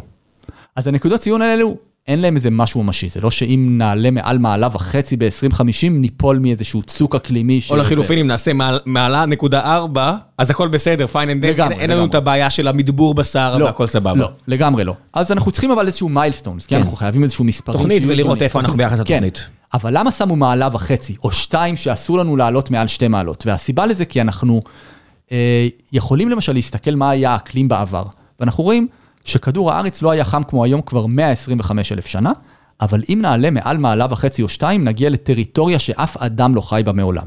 שזה 4 מיליון שנה לא היינו בטמפרטורה הזאת. תוך כמה עשורים אנחנו, אנחנו שם, כן? שאף אדם, אף מין אה, בן אדם ספיאן. בעולם, ההומו ספיאן לא חי בטמפרטורות כל כך גבוהות. ואין לנו אנלוגים מספיק טובים להגיד איך נראה האקלים אז, אין לנו תעודת ביטוח שתגיד אפשר לקיים חברה אנושית משגשגת, אין לנו. אין לנו מה יכולת בפועל לומר את זה. אמור אה, לקרות? זאת אומרת, אני מבין ש... זאת אומרת, כבן אדם שחם לו, אני אומר, אם עכשיו אתה אומר לי, אתה הולך ב... ואני מצטער פה לשאלה של הבורות המוחלטת. בטח, בטח. אני הולך, אתה יודע, מביתי, ואני צועד למשרד, ואני אומר, אוקיי, וואו, חם לי, מה, כמה עכשיו? 35 מעלות. עכשיו אתה אומר לי, אוקיי, תדמיין שזה 36 וחצי, ואני אומר, אנא ערף, יהיה לי טיפה יותר חם. אני אומר, מה, מה בפועל אה, קורה במעלה וחצי הזאת? אני מבין שיש זרמים באוקיינוסים וכל מיני דברים כאלה שהם מושפעים, אבל מבחינת קיום חברה אנושית, מה בעצם האיומים שאנחנו אז מדברים? כמה דברים. אז קודם כל, תחשוב שיכולים להיות לך פה, אה, אז אולי אתה עולה במעלה, אבל אתה מעלה מאוד את את התדירות של אירועים קיצוניים ומסוכנים. למשל, יכולים להיות לך פה בישראל, כבר השנה אגב, במקרה זה לא קרה, ימים של 50 מעלות, שלושה, ארבעה, חמישה ימים כאלה, פתאום. 40-50 מעלות. מחסלים יבול וכל מיני כאלה. מחסלים יבול, תחשוב על אה, הפסקת חשמל פתאום, ב-50 מעלות. אני, היה לי הפסקת חשמל ביישוב שאני גר בו לפני יומיים, לשלוש שעות ב-33 מעלות, זה היה בלתי נסבל. תחשוב, אין, אין, לא עובדים. אין, לא מתפקדים. עובדים, תחשוב כמה כסף המשק מאבד, ותחשוב על ה... אתה חושב שהמדינה שלנו תוכל להתמודד עם הפסקת חשמל ב-50 מעלות, שאוכלוסיות שלמות, אנשים יצטרכו עזרה, ב-50 מעלות לא היה לנו כוח לריב אחד עם השני. ותחשוב על השריפות שיהיו במקביל, כן? זה, זה נזקים מאוד מאוד גדולים. מדינות עניות לא יוכלו להתאושש מנזקים כאלה, מאיזה סופת אה, קיצונית, שאגב פגעה בפורטו ריקו נגיד, סופה קיצונית ב-2017, המדינה לא התאוששה מאז, אוקיי? אז הדברים האלה שילכו ויהיו יותר נפוצים, יהיו מדינות שפשוט יקרסו מהדברים האלה. אז זה דבר אחד. דבר שני, מה שקורה מעל שתי מעלות, זה שאתה מתחיל להפעיל את אה, משובים חיוביים, אתה פשוט מפיל קוביית דומינו, וזה הדבר המפחיד. אוקיי, אתה מאוד מקרב את כדור הארץ לצאת מהמסלול שהוא נמצא בו היום. מה קורה? אז בוא, בוא, בוא, בוא, נפרוט את זה שנייה, זה מאוד מעניין. יש לך איזה תשעה נקודות סף אקלימיות בכדור הארץ, שכיום מייצבים לך את האקלים. למשל, יערות האמזונס, כל הזמן שואבים פחמן דו-חמצני, ועוזרות למתן את שינוי האקלים. הקרח בכתבים, כל היערות, זאת אומרת, לא יערות. כל לא היערות, האמזונס כן. הם כאילו הגדולים ביותר. לא יודע איך נקרא לזה בסיביר, טייגה, טייגה, כן, כן, ווטאבר, לגמרי. אני כן. בטוח שגם הם עושים את זה, והאצות כמו כל שאתה אומר. היערות, כן. זה מה שהם עושים, עוזרים בעצם למתן את משבר האקלים. כמו שאמרנו, האוקיינוס לוקח חלק מהפחמן. הקרח בכתבים, בגלל שהוא לבן, הוא מחזיר את קרינת האור, את קרינת השמש, זה נקרא אלבדו, ועוזר לקרר את כדור הארץ. מה יקרה ככל שאנחנו מתחממים? הקרח הולך ונמס, חושף ים שחור שבולע את החום ומחמם אותנו בעודף. היערות, כבר היום, האמזונס כבר לא לוקח פחמן דו-חמצני יותר ממה שהוא פולט, הוא הפך להיות ממבלע למקור, הוא פולט יותר, כי עצים מה? מתים יותר ממה שהם צומחים. הפליטות של החומר האורגני, של הפחמן דו-חמצני, יותר גבוהות ממה שהאוקיינוס... למה? שמשהו מת, אה, הוא... כי תחשוב שהצמח, העץ, כן. גדל וגדל וגדל, כולו עשוי מפחמן דו-חמצני שהוא לקח מהאוויר. כמו כולנו, יצורים אורגניים. כולנו, כן. בדיוק. וכשהוא מת, הוא מתחיל להתפרק. הגזע, העלים מתחילים אבל להתפרק, לא כל החברים שלו. מסביב שותים אותו? אבל הם? נושמים. בנשימה הזאת, שהם מפרקים את החומר, הכל חוזר לאטמוספירה. אוקיי. היום הקצב של מה שנכנס, הצמיחת העצים, לעומת מה שיוצא מהפירוק של מה שמת, כבר התאזן ואפילו יורד לכיוון... בגלל שגדעו כל כך הרבה עצים ולא א', שתו מספיק? יותר, יותר עצים, ב', יותר חם, והפירוק יותר מהיר, והצמחייה גד... לא מצליחה לצמוח באותו אפקטיביות. ושם הכל מעלה בממוצע משפיע המון המון המון. משפיעה המון. אז תחשוב שאנחנו עולים מעל טמפרטורת סף מסוימת, והאמזונס קורס והופך לסוואנה. מתי זה יקרה? בשלוש מעלות, בשתי מעלות, במעלה וחצי? אנחנו לא יכולים לדעת sure. מה זה אומר סוואנה? סוואנה זה אומר שבעצם היערות הענקים האלה של האמזונס יהפכו להיות מעין grassland כזה, מעין ערבה עם אה, כמו צמחים שאנחנו רואים קטנים. בסרטי אפריקה למיניהם. למשל, לגמרי, כן? אוקיי. אז זה לגמרי בתסריט, לגמרי משהו שיכול לקרות מעל טמפרטורה מסוימת. אז זה נקודת סף נוספת שתחמם אותנו בעודף. Mm. יש לך קרקעות קפואות באלסקה וסיביר, שפעם היו שם יערות. מתחת לכל הקרח, יש גזי חממה עתיקים של מיליוני שנים מהיערות העתיקים שגרו שם. בגלל החומר האורגני המת. יפה. ברגע שאתה ממיס אותם, כבר החום היום הולך וממיס אותם לאט לאט, כל הגזי חממה הקבורים העתיקים האלה מתפרצים חזרה לאטמוספירה. פשוט פחמן דו-חמצני כן. שנפלט. ולא קשור אלינו. זאת אומרת שאם אתה עובר טמפרטורה מסוימת, אתה מתחיל להפעיל את התהליכים האלה. מישהו לחץ על כפתור והכל מתחיל לנוע לבד. משוואה עם מיליון נעלמים. יפה, לעבר מצב אקלימי רותח, אחר, שהאדם האנושי לא היה בו מעולם. וזה הפחד, ואנחנו רוצים למנוע את תעודת ביטוח שלשם לא נגיע. אוקיי? זה מעל, זה מה שיכול לקרות, מעל שתי מעלות התהליכים האלה אז מאוד אמרת מאיצים. תשע נקודות ואמרת אז אמרנו יערות. בינתיים יערות טרופיים, אפשר לשים שם. את היערות הבוריאליים או הטייגה, כמו רגע, שאמרת. זה, זה שהם מחסלים את כל הדגים, שזה בעיה אחרת, שאתה יודע, תחת משבר האקלים, נורא פופולרי לזרוק לא רק נכון, ענייני- את כל זה, העניינים הסביבתיים. גם העובדה שאנחנו פשוט מחסלים את רוב המינים, אה, שאתה יודע, כמו שבני אדם עשו מאז ומתמיד. כן. אתה יודע, הבן אדם הראשון שהגיע לאוסטרליה, העלים את כל היונקים מעל גודל קנגורו. לגמרי. אה, אנחנו טובים בזה. כן. אה, אז זה שאנחנו מעלים את כל הדגים, משפיע על הסיטואציה? אז הדגים, עוזר? פוגע? מן הסתם פוגע. פוגע? כן? למה פוגע? אה, הדגים אוכלים את אה, האצות. מבחינת, ה- אתה אומר, הפחמן הוא דו-חמצני. כן, לא, ברור זה שחיסלנו את כל כל- הדגה, תשמע. אנחנו נהרוס את, אתה יודע, את המקור אה, אה, מזון ה... כן, אז מהבחינה הזאת, אה, זה בעיקר פגיעה במערכת האקולוגית הימית, שאגב, אה, יצא בדיוק מאמר אה, שחלק ממנו שותפים ישראלים, שבים התיכון, בחמש שנים האחרונות היו כמה אירועי גלי חום קיצוניים בים, שגרמו לתמותה המונית של המון מינים, ובעצם כל המערכת האקולוגית משתנה כתוצאה מהחום. שהים עצמו... הים עצמו, פשוט גלי חום בים. מה זאת לא אומרת מרגישים- חום בים? תחשוב שהטמפרטורה... כן, ברור לי שיש דבר כזה, כן, אבל- מודדים את הדבר הזה? לגמרי, לגמרי. והים, בגלל שהטמפרטורה בו משתנה הרבה יותר לאט, כן, מאשר ביבשה. כי זה גוף ענק, כן. גוף ענק עם קיבול חום טוב וזה, שינוי קטן בו מספיק כדי לשנות מאוד את המערכת האקולוגית, כי המינים לא רגילים לשינויים כאלה חדים. אז יש קריסה, האלמוגים, שאגב, הולכים ונעלמים, הצפי זה שיהיה לנו אפס אלמוגים מה עד החשיבות של 2100. אלמוגים? אלמוגים הם בעצם hot spots, מוקדים של אה, כל המערכת האקולוגית הימית, 20-30 אחוז מהדגים ניזונים מהם ומהאצות שמסביבן, הם קורסים, יש מערכת אקולוגית שלמה שקורסת, אז זה דברים שאין לנו גם כל כך איך להחזיר. זאתי למשל נקודת סף שכבר עברנו. שזה- אוקיי. זה כבר- זה כבר עובדה, זאת אומרת, לא לא יהיה אלמוגים. במעלה וחצי אם נתחמם, אם נעצור ביעד, יהיה לנו 20 אחוז מהאלמוגים יישארו, למה בעצם האלמוג, אה, מה קורה לאלמוג? אז האלמוג בונה את השלד שלו. אלמוג זה סידן, נכון? כן, הוא בונה את זה מקלציום קרבונט. קרבונט זה פחמן דו-חמצני שנופל לים. יש לך, אה, אם יש לך אה, יותר מדי פחמן דו-חמצני, האוקיינוס נהיה יותר חומצי, וזה לא מאפשר לאלמוג לבנות את השלד, והוא פשוט מלבין ומת, וגם כשחם מדי, הוא מלבין ומת. זה התופעות שאנחנו כבר רואים ברחבי העולם וילכו ויעצימו. המקום היחיד, אגב, האחוז האחד של אלמוגים שיישאר, אז הסיכוי הכי גדול זה דווקא? ב- יפה, מפרץ אילת, כן, סיני, כן. גם כי הם רגילים לחום, אה, אז, אז אולי אנחנו בסופו של דבר, עוד 100 שנה, נהיה מעצמה של אה, צלילה. זה- זה- זה מה שיהיה, נריב על הר הבית ונרד לסיני לצלול. לגמרי. זה- זה- למרות זה שבסיני יהיה קונסטנטין. 50 מעלות, לא יודע כמה זה זה. נכנסים אבל- לים, המקלובה מחכה בחוץ, הכל טוב. כן. אה, יש דברים שאתה יודע, זה זה איים של שפיות, חוץ מ, אתה יודע, העובדה שאתה יכול להתפוצץ שם. לגמרי. אה, כן. כן. אה, קרה. כן. לא דברים שלא לא יקרו שוב. כן. מה לעשות. אז זה- אז יש עוד נקודות, ואנחנו נלחמים על כל אחת מהנקודות האלה בעצם? כאילו אז אנחנו- אידיאלית מבחינתך? כן, אז אנחנו בעצם אה, יודעים פחות או יותר באיזה סף טמפרטורה הנקודות האלה נתחיל לעבור אותן, נחצה אותן. עכשיו, זה לא קורה ביום אחד. יכול לקחת גם עשרות שנים וגם מאות שנים, אבל זה מעין תהליך כזה, שלא משנה כבר אם אה, הפסקנו לשרוף דלקים, הוא התחיל, הוא נע. יש סיכוי שכדור הארץ יאזן את עצמו במה שאנחנו מפספסים, כמו שהיה מיני אייס אייג' לפני 700, 800 אלף שנה, יהיה עוד אחד כזה שיאזן את השטויות שאנחנו עושים? אז תיאורטית, אה, כן, יכול להיות לך אנחנו יודעים התפרצות. לחזור או שזה יותר מדי בלאגן? לא, זה יותר, תראה, יכול להיות לך נגיד אה, התפרצות גדולה של הר געש. מה קורה כשהר געש מתפרצים? כל האפר הגעשי נשאר באטמוספירה, חוסם את קרני השמש, ואתה מתקרר. שקרה באיסלנד, אה, מה ראינו? אז זה הוריד את הטמפרטורה בקצת, בעיקר ב-1991. אינדונזיה? פינוטובו בפיליפינים, זוכר שעת החורף עם. השלג בירושלים, אה, הרצליה. באר שבע. באר שבע. עכשיו, אתה יודע, אנשים אה, אנשים לא זוכרים, ב-91 הייתי כיתה ב', ירד אה, ג', לא יודע מה, אה, שלג, ברד, דברים מטורפים. כן, זה זכור לי כחורף הכי מדהים שהיה לי, באמת, גם בערך בערך באותו גיל. כן. וזה נגרם בגלל התפרצות עצומה של הר געש בפיליפינים, שהורידה את הטמפרטורה העולמית בחצי מעלה בכל העולם. נו, הנה, כל. הפרפרס האלה ביאלוסטון, שמתכוננים לרגע שיאלוסטון יתפוצץ וארצות הברית תיעלם. אז זה בהחלט משהו שאתה יודע. משהו מסוים יש לי שיכול לקרות. הרגשה שהאופציה הזאת היא לא טובה לנו. לא נראה לי שזה ייגמר טוב עבורנו. לא נראה לי שזה ייגמר לא טוב. לנו לפחות. לגמרי, וגם אתה לא רוצה לחכות ולהגיד, טוב, מתישהו יתפרץ ההר געש הזה. לא, זה גם לא אמתין." טוב, זה גם לא אופציה טובה. זה גם לא טוב. אתה יכול, במובן מסוים, לעשות הנדסת אקלים. ויש הרבה דיבורים על לחקות את התהליכים האלה באופן מלאכותי. מה זה? למשל, אתה נוסע עם מטוסים לאטמוספירה, ומפזר, זורע את אותם סולפטים שהרגע ש...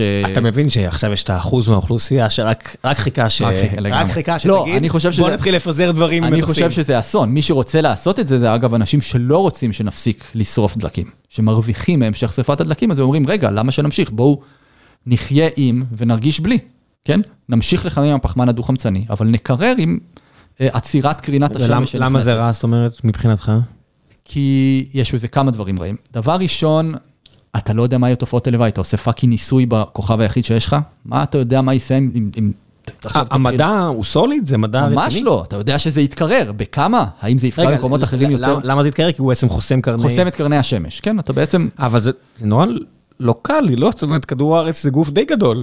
עבור יחסית אלינו, איפה אתה מפזר את זה כדי שזה... אז אתה עולה 20 קילומטר גובה, ויש מחקרים שמראים שזה יכול להיות אפקטיבי, באמת אתה מחכה את הטבע, אתה מחכה התפרצויות געשיות קדומות שככה עשו. אבל איפה אתה עושה את זה? מעל איזה... אתה מתחיל, מה, אתה מתחיל מעל מדינה ענייה, כי אם לא יגידו לך לא, כאילו מה... שאלה טובה, אם אתה צריך באמת לעשות את זה בכל העולם, או רק באזורים ספציפיים, באמת מעניין מה המחקרים אומרים על זה, אבל הנקודה הרעה, שתחשוב שכל האקלים שלך עכשיו תלוי באותו צי של מטוסים שנוסע וזה. מי יעשה את זה? מדינות? אמריקה, ומה אם ייבחר נשיא אחר שיחליט שהוא מפסיק את זה? אילון מאסק יעשה את זה? זה כנ"ל לגבי כל החלטה שנעשה אקלימית. לחלוטין, לא, אבל אם זו החלטה של הנדסת אקלים, שאתה בעצם ממשיך, בעצם אומר, אוקיי, אני לא יכול להתמודד עם הבעיה, אבל אני אקרר את כדור הארץ בדרכים מלאכותיות. תחשוב שהאקלים שלך עכשיו תלוי באיזה מיליארדר, או במדינה, שהיא מפסיקה את הדבר הזה, אנחנו מתחממים חזרה לאיפה שהיינו ואפילו יותר מזה. אתה לא יודע גם מה היו ההשפעות. גם ככה האקלים שלי תלוי באיזה מיליארדר, הוא פשוט, המיליארדר הזה כרגע מרוויח את הכסף שלו מנפט, אז הוא דואג לזה ש... נכון, והוא גם זה שרוצה להמשיך לשרוף את הנפט ולנסות לעצור את ההתחממות דרכים. לא מישהו ספציפי, אני לא פה באיזה קונספירציה, זה פשוט, אתה יודע, משמרות המהפכה ששולטות באיראן, אגב, אני לא חושב שזה קונספירציה, יש לזה עדויות מכאן ועד, אתה יודע, בקונגרס האמריקאי מדברים על זה כל הזמן, שחברות כמו שברון ושל, במשך שנים הסתירו את זה שהם יודעים שכדור הארץ מתחמם, בגלל, כמו חברות הסיגריות אגב, בגלל שפולטים גזי חממה, והן עושות כל מה שביכולתן, קוראים לזה DDD, זה Delay, Deflect, Destruct. בעצם כל הזמן הם מנסים לערער את האמון במדע האקלים, או לומר, זה מתחמם, אבל זה לא אנחנו, או לומר, נדחה את זה, זה תכף, תכף אנחנו נמצא טכנולוגיות חדשות, בעצם לעשות כל מה שביכולתן כדי לערער את השיח ולזרוע, אפילו, אגב, שיח מאוד מבהיל, כדי לגרום לך להתייאש. אז הן כל הזמן מוציאות... כן, בגלל זה אני אומר שזה קצת... ראית הסמויה? כן, ברור. זה שאתה מכיר זה שיש בתחילת כל פרק כזה משפט שאז זה כאילו השם של הפרק, ואז זה כזה חוזר במהלך הפרק, אז יש אחד הפרקים האהובים עליי, זה, אני חושב שזה הולך... If you aim at the king, you best not miss, או משהו כזה. כן, משפט ענק. כן, אז ככה זה מרגיש לי, בגלל שמול מדעי האקלים יש כאלה ארגונים חזקים, ופשוט האיכות החיים של המון אנשים, שרק, ואחרים שמדברים בשמם, שרק, אתה יודע, אל תפגעו בעניים, כל הדמגוגיה הפופוליסטית הזו, שמסתכלים על טווח קצר, או לא יודע מה, ואז כל טעות שמישהו מטעם משבר האקלים, אתה יודע, כזה, ילדה סקנדינבית נבחרת למובילת הזה, אתה אומר, אוקיי, הסיכוי שהיא לא תפלוט משהו שהוא לא נכון, כי... כי היא לא באמת מכירה את המדע כמו מדען, מה לעשות? כי היא לא עסקה בזה כל חייה. זה מין מרגיש לי כמו הימורים נורא מסוכנים. לשים כזה איזה ז'אן dark מקדימה, והסיכוי שהיא לא פתאום תפלוט, אלוהים מדבר עליי, אוי לא! לגמרי, תשמע, אוי לא! לא, תשמע, מידת ה fake news שיש ב... בכל דבר. לא, אבל, אבל כל העניין הזה של הפייק והכחשת מדע התחילה בעיקר עם האקלים. באמת? באמריקה זה, זה אולי השיח הכי, הכי, כן, זה, תשמע. זה, זה לא משהו שאנחנו רצים איתו הלאה בבאללה על כל דבר כבר אבל תמיד. אבל חברות הנפט היו, ה, ה, אולי הסיגריות, אבל לכן חברות הדלקים היו, הן בעצם משקיעות מיליארדי דולרים בשנה בשביל לערער את האמון במדע האקלים, ואתה רואה את הריפרקשן של זה בכל מקום, בשיח בישראל זה מתחיל עכשיו לצערי, ולצערי זה גם נהיה שיח פוליטי, ימין מול שמאל, וזה משהו שבאמת מאוד קשה להתמודד איתו. אני אישית עושה מאמצים גדולים כדי להתמודד מול, מול הפצת נתונים שקריים או מניפולטיביים, וזה משהו שבהחלט אני רואה איך, אגב, כבר היום אני רואה איך אנשים שמדברים על הקונספירציות בקורונה, מתחילים לדבר על הקונספירציות באקלים, זה מתחיל להתחבר. אני, אני אוהב שיש כאילו מישהו שבדיאגרמת וון הוא כזה קונספירטור א', ב', ואז שאתה מדבר איתו על ג', לא אחי, מה פתאום? אל תגזים, מה? זה, זה מונפץ לגמרי, זה כזה. כדור הארץ שטוח, כימטריילס וקורונה, לא, מה קרה לך? זה, זה וירוס מטורף, מה יש לך? אנחנו חייבים להתגונן. לגמרי. אתה יודע, pick and choose של הטרפת. מה שאומר שבעצם בהכחשת האקלים אין שום דבר שקשור למדע, אלא זה קשור לאידיאולוגיה. יש גם נושאים מדעיים, אתה יודע, יש דברים שאנחנו לא מסכימים לגביהם. גם, אתה יודע, שאתה אומר 99% המדעים, 98%, יש מדענים רציניים שאומרים משהו אחר על נושאים ספציפיים, הבעיה היא שאז מנפחים את זה. נכון, נכון, נכון. תסתכל, אה, כל המגדל קלפים קורס. לא, הוא מדבר על משהו נורא ספציפי, בסדר. אבל זה בדיוק מה שנקרא בדיוק ה cherry picking הזה, קוראים לזה קטיף דובדבנים. אתה לוקח איזה נתון שמתאים לך לאג'נדה ומנפח אותו מאוד כאילו הוא הסיפור כולו. זה בדיוק הבעיה. כן, זה כמו שאתה יודע, אני מסתכל למשל על הגרף שהסתכלתי ב... איך האתרים האוהבים לסטטיסטיקה שאני מסתכל עליהם גם מסיבות עסקיות פה, אז הם פרסמו אה, גרף של מחירי הליתיום. ואתה רואה שמחירי הליתיום עפו לשמיים מאז 2021, מן הסתם, וזה גם יעוף עכשיו כי יהיה עוד, עוד אה, ביקוש של מכוניות חשמליות. פאנלים סולאריים, מכוניות, כן. כן, אתה יודע, ממשלת סין אמרה עד איקס, עד שנה איקס, אין יותר רכבים שהם mm-hmm. מנוע בעירה פנימי. כן. אז מן הסתם זה יקפיץ את הביקוש לליתיום, בטח, אתה יודע, עם בלאגנים במקורות. זאת אומרת, ואז אנשים אומרים, איך כולם ייסעו על אה, רכבים חשמליים עם, עם הבעיה הזאת של הליתיום? אני אומר, אוקיי, לא יודע, מישהו פעם הצביע על הירח ואמר, נגיע לשם תוך עשר שנים, פתרו את זה. לגמרי. זאת אומרת, גם אילון מאס מדבר על איך, אתה יודע, זה בסוף עוד מינרל, עוד מלח, עוד, עוד חול שצריך למצוא לו תחליף. ימצאו סוללות שלא מבוססות על ליתיום. אני מסכים לחלוטין, אני מסכים, אני לא רואה בזה איזשהו משהו שהוא, זה גם הרבה פעמים אומרים, אתה תלוי בסין, שהיא ספקית הליתיום הכי גדולה בעולם. נו, אני תלוי בטיוואן בשביל צ'יפים, אני תלוי בכולם. אתה תלוי ב fucking פוטין בשביל גז, כן? אז בסין בשביל זה, זה מה שיהרוג אותך, וגם... לא, אני, גרמניה תלויה בפוטין בשביל גז. נכון, נכון. אנחנו במקרה יצא, אתה יודע. ובניגוד אגב לגז, שקיים רק במדינות מסוימות ליתיום, אפשר לחפש גם במקומות אחרים, כן? אתה לא חייב להיות תלוי בסין, ושהשוק הזה יתפתח, אתה תהיה הרבה פחות תלוי בה. כן, זה פשוט, צריך להגיד את האמת. rare earth minerals, כמו ליתיום, כמו אחרים, זה נורא ואיום להוציא אותם, כי זו תעשייה מזהמת, וזה לא רק ברוסיה, יש מקומות בשוודיה, שכל העיר מסביב נהרסה, כי מוציאים עכשיו איזושהי מתכת, או איזשהו מינרל מהקרקע. נכון. מה לעשות? זה לא תעשיות כיפיות, גם במדינות הכי נאורות, הכי ליברליות, שבאמת אשכרה חשוב להם הסביבה, יש מחיר ללהוציא מינרלים מהקרקע. אבל אם אתה שם את זה, לגמרי, אבל אם אתה שם את זה מול הנזק הסביבתי, של הדלקים, זה בכלל לא באותו סקאלה, כן? צריך תמיד להבין, כל דבר שאתה עושה יעשה נזק סביבתי מסוים. כן. השאלה, איפה זה על המאזניים? פשוט צריך להיזהר עם... אני לא משוייך לנושא הזה, אני עושה הרבה טעויות ואני מרגיש בסדר, והכי גרוע, אני מתקן את עצמי. מי שבאמת משוייך לנושא הזה, חייב נורא להיזהר, שני הכיוונים. זאת אומרת, אתה יודע, כזה, חבר'ה כמו יונתן דובי, גם מבן גוריון, שהוא כאילו מתנגד, כל טעות שהוא יעשה, תסמן את הצד שלו, כן? מישהו כמוך, כל טעות שאתה תעשה, ושניכם כאילו סתם חוקרים מישראל, כן? בנושאים אחרים, אבל משוייך אליכם, אתה יודע, התפיסה של אנשים היא, היא נאותה, אז כל מה שהוא אומר וכל מה שהוא מייצג טעות, כן? דחילק, זה...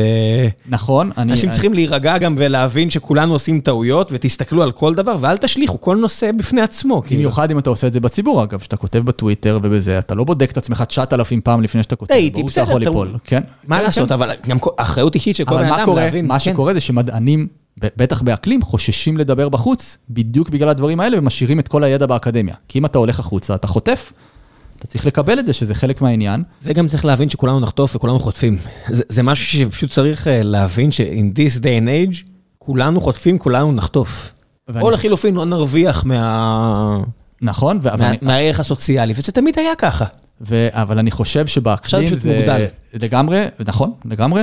אני חושב שבאקלים זה ילך ויסלים, וכבר היום אנחנו רואים את זה באמריקה, שיח אה, מטורף. אבל אה, זה על הכל. תסתכל, כאילו, השיח שלהם על נכון, הפלות. נכון. תסתכל נכון. מה קורה פה, אני אומר, על הר הבית, מבנה, נכון. שהוא קדוש לכמה דתות, וה... אם, אם עכשיו יהודי, כמו המחתרת היהודית בשנות ה-80, ינסו שוב לפוצץ את, את הר הבית, יהיה פה כאילו טירוף מוחלט, מוחלט, מוחלט. לגמרי. ואשכרה אנשים אומרים, תעשו את זה, תעשו את זה, what the fuck are you talking about? על מה אתם מדברים? הולכים תכף להיבחר לך לכנסת, כאלה נציגים. אני לא יודע, כן, אתה יודע. כן. כן. יציבות זה לא יביא. מה זה הולכים להיבחר? חבר כנסת מכהן, כן? כאילו להיות אולי הוא להיות שר, כן, אולי להיות שר. כן. אה, בוא נראה. נראה. טוב, בוא נעשה קצת שאלות מן הקהל. כולם מדברים על מכוניות חשמליות, זה אביחי יעקבי, כולם מדברים על מכוניות חשמליות, חומרים מתחלים וכו'. למה לא מדברים בקול רם על צמצום הילודה? האם זה לא מקור הזיהום? אז צמצום ילודה בהחלט מדובר, פחות בישראל, אבל אין ספק שככל שיש יותר אנשים, יש לך יותר פליטות פחמן דו-חמצני. אולי אפשר להגיד שהדבר הכי יעיל שאתה יכול לעשות כדי לצמצם את טביעת הרגל האקולוגית, זה להביא ילד אחד פחות. יותר מהכל, כן? אבל אנחנו רוצים שיהיה לנו עולם שנוכל לחיות בו גם, גם אנחנו וגם הילדים שלנו, כי אנחנו לא רוצים לצמצם את הילודה, זה לא המטרה, המטרה היא שיחיו פה בני אדם בשגשוג ובאושר, בעיניי. לכן המטרה היא אה, לנסות להמשיך לשגשג. כן, הייתי אומר, בוא נצמצם פרות, לפני שאנחנו מצמצמים בני אדם. היה פה אביב וולף מרימיל, כשמייצרים חלב בלי פרות, בוא נתחיל בזה, לפני שאנחנו ממהרים להוריד בני אדם. כן, וכמובן, בואו, כמו שאמרנו, ננתק את פליטות הפחמן מהכלכלה, ונמשיך לשגשג רק עם אנרגיות מתחדשות, אז לחלוטין. מה גם שהטיעון הזה של ילודה, הוא מתייחס בדיוק לאזורים בעולם שלא בדיוק קוראים את הטוויטים, את הציוצים האלה, ובכלל אכפת להם. בכל העולם הערבי... וגם לא אלה שזיהמו. כן? הם אלה ש...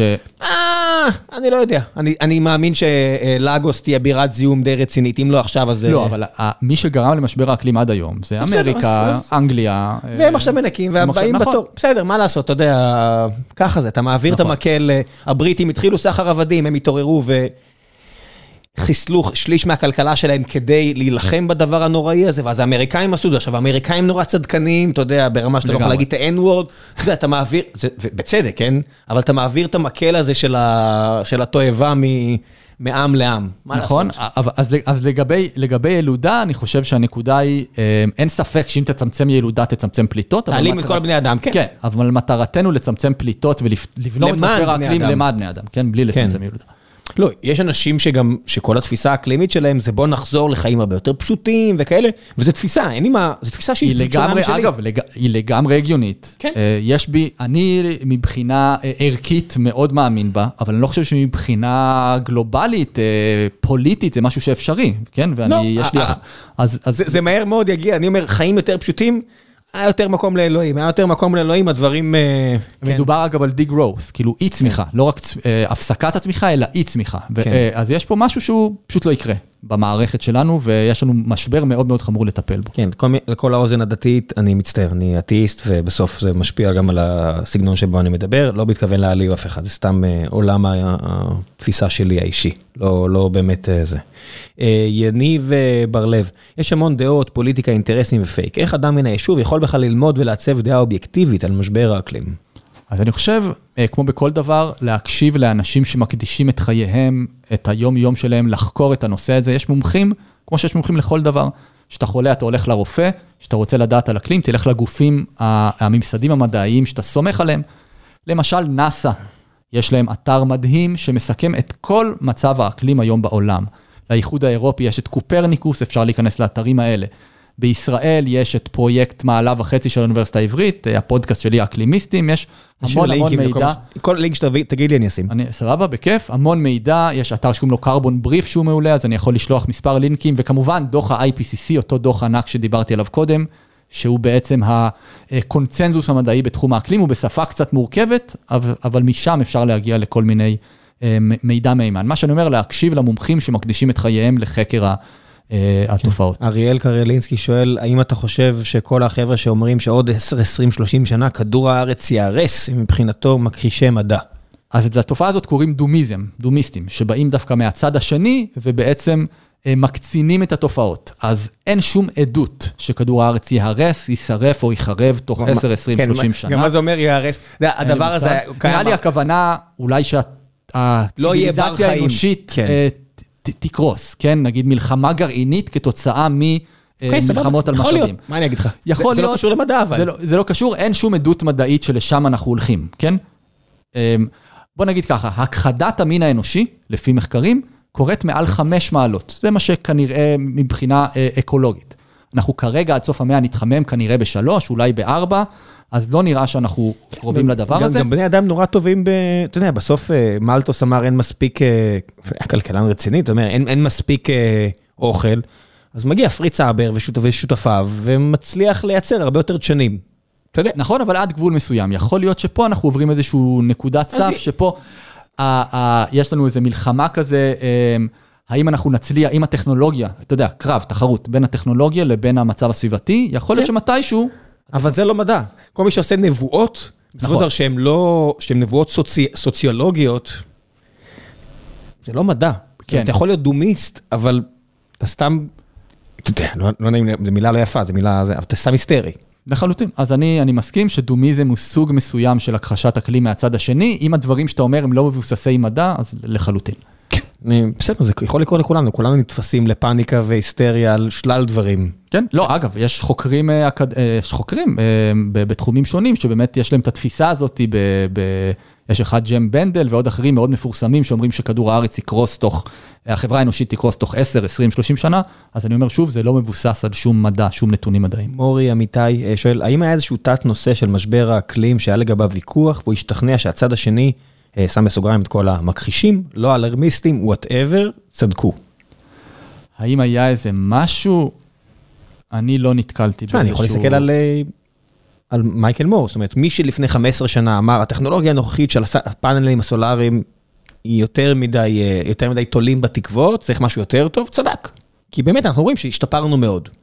אבל הוא טעה במובן מסוים, כי בסופו של דבר אנחנו רואים היום שהפאנלים הסולאריים סופר זולים וסופר יעילים. מה שלפ... כן, בדיוק. שלפני עשור לא יכולנו לדמיין את זה בכלל. אז, אז זה בדיוק הנקודה, שאם אתה אומר למשל על... אה, ופה יתפסו אותך, החבר'ה שרק מחפשים לתפוס אותך יגידו, הנה הוא אמר שישראל 95% יכולה להיות בלי אנרגיה.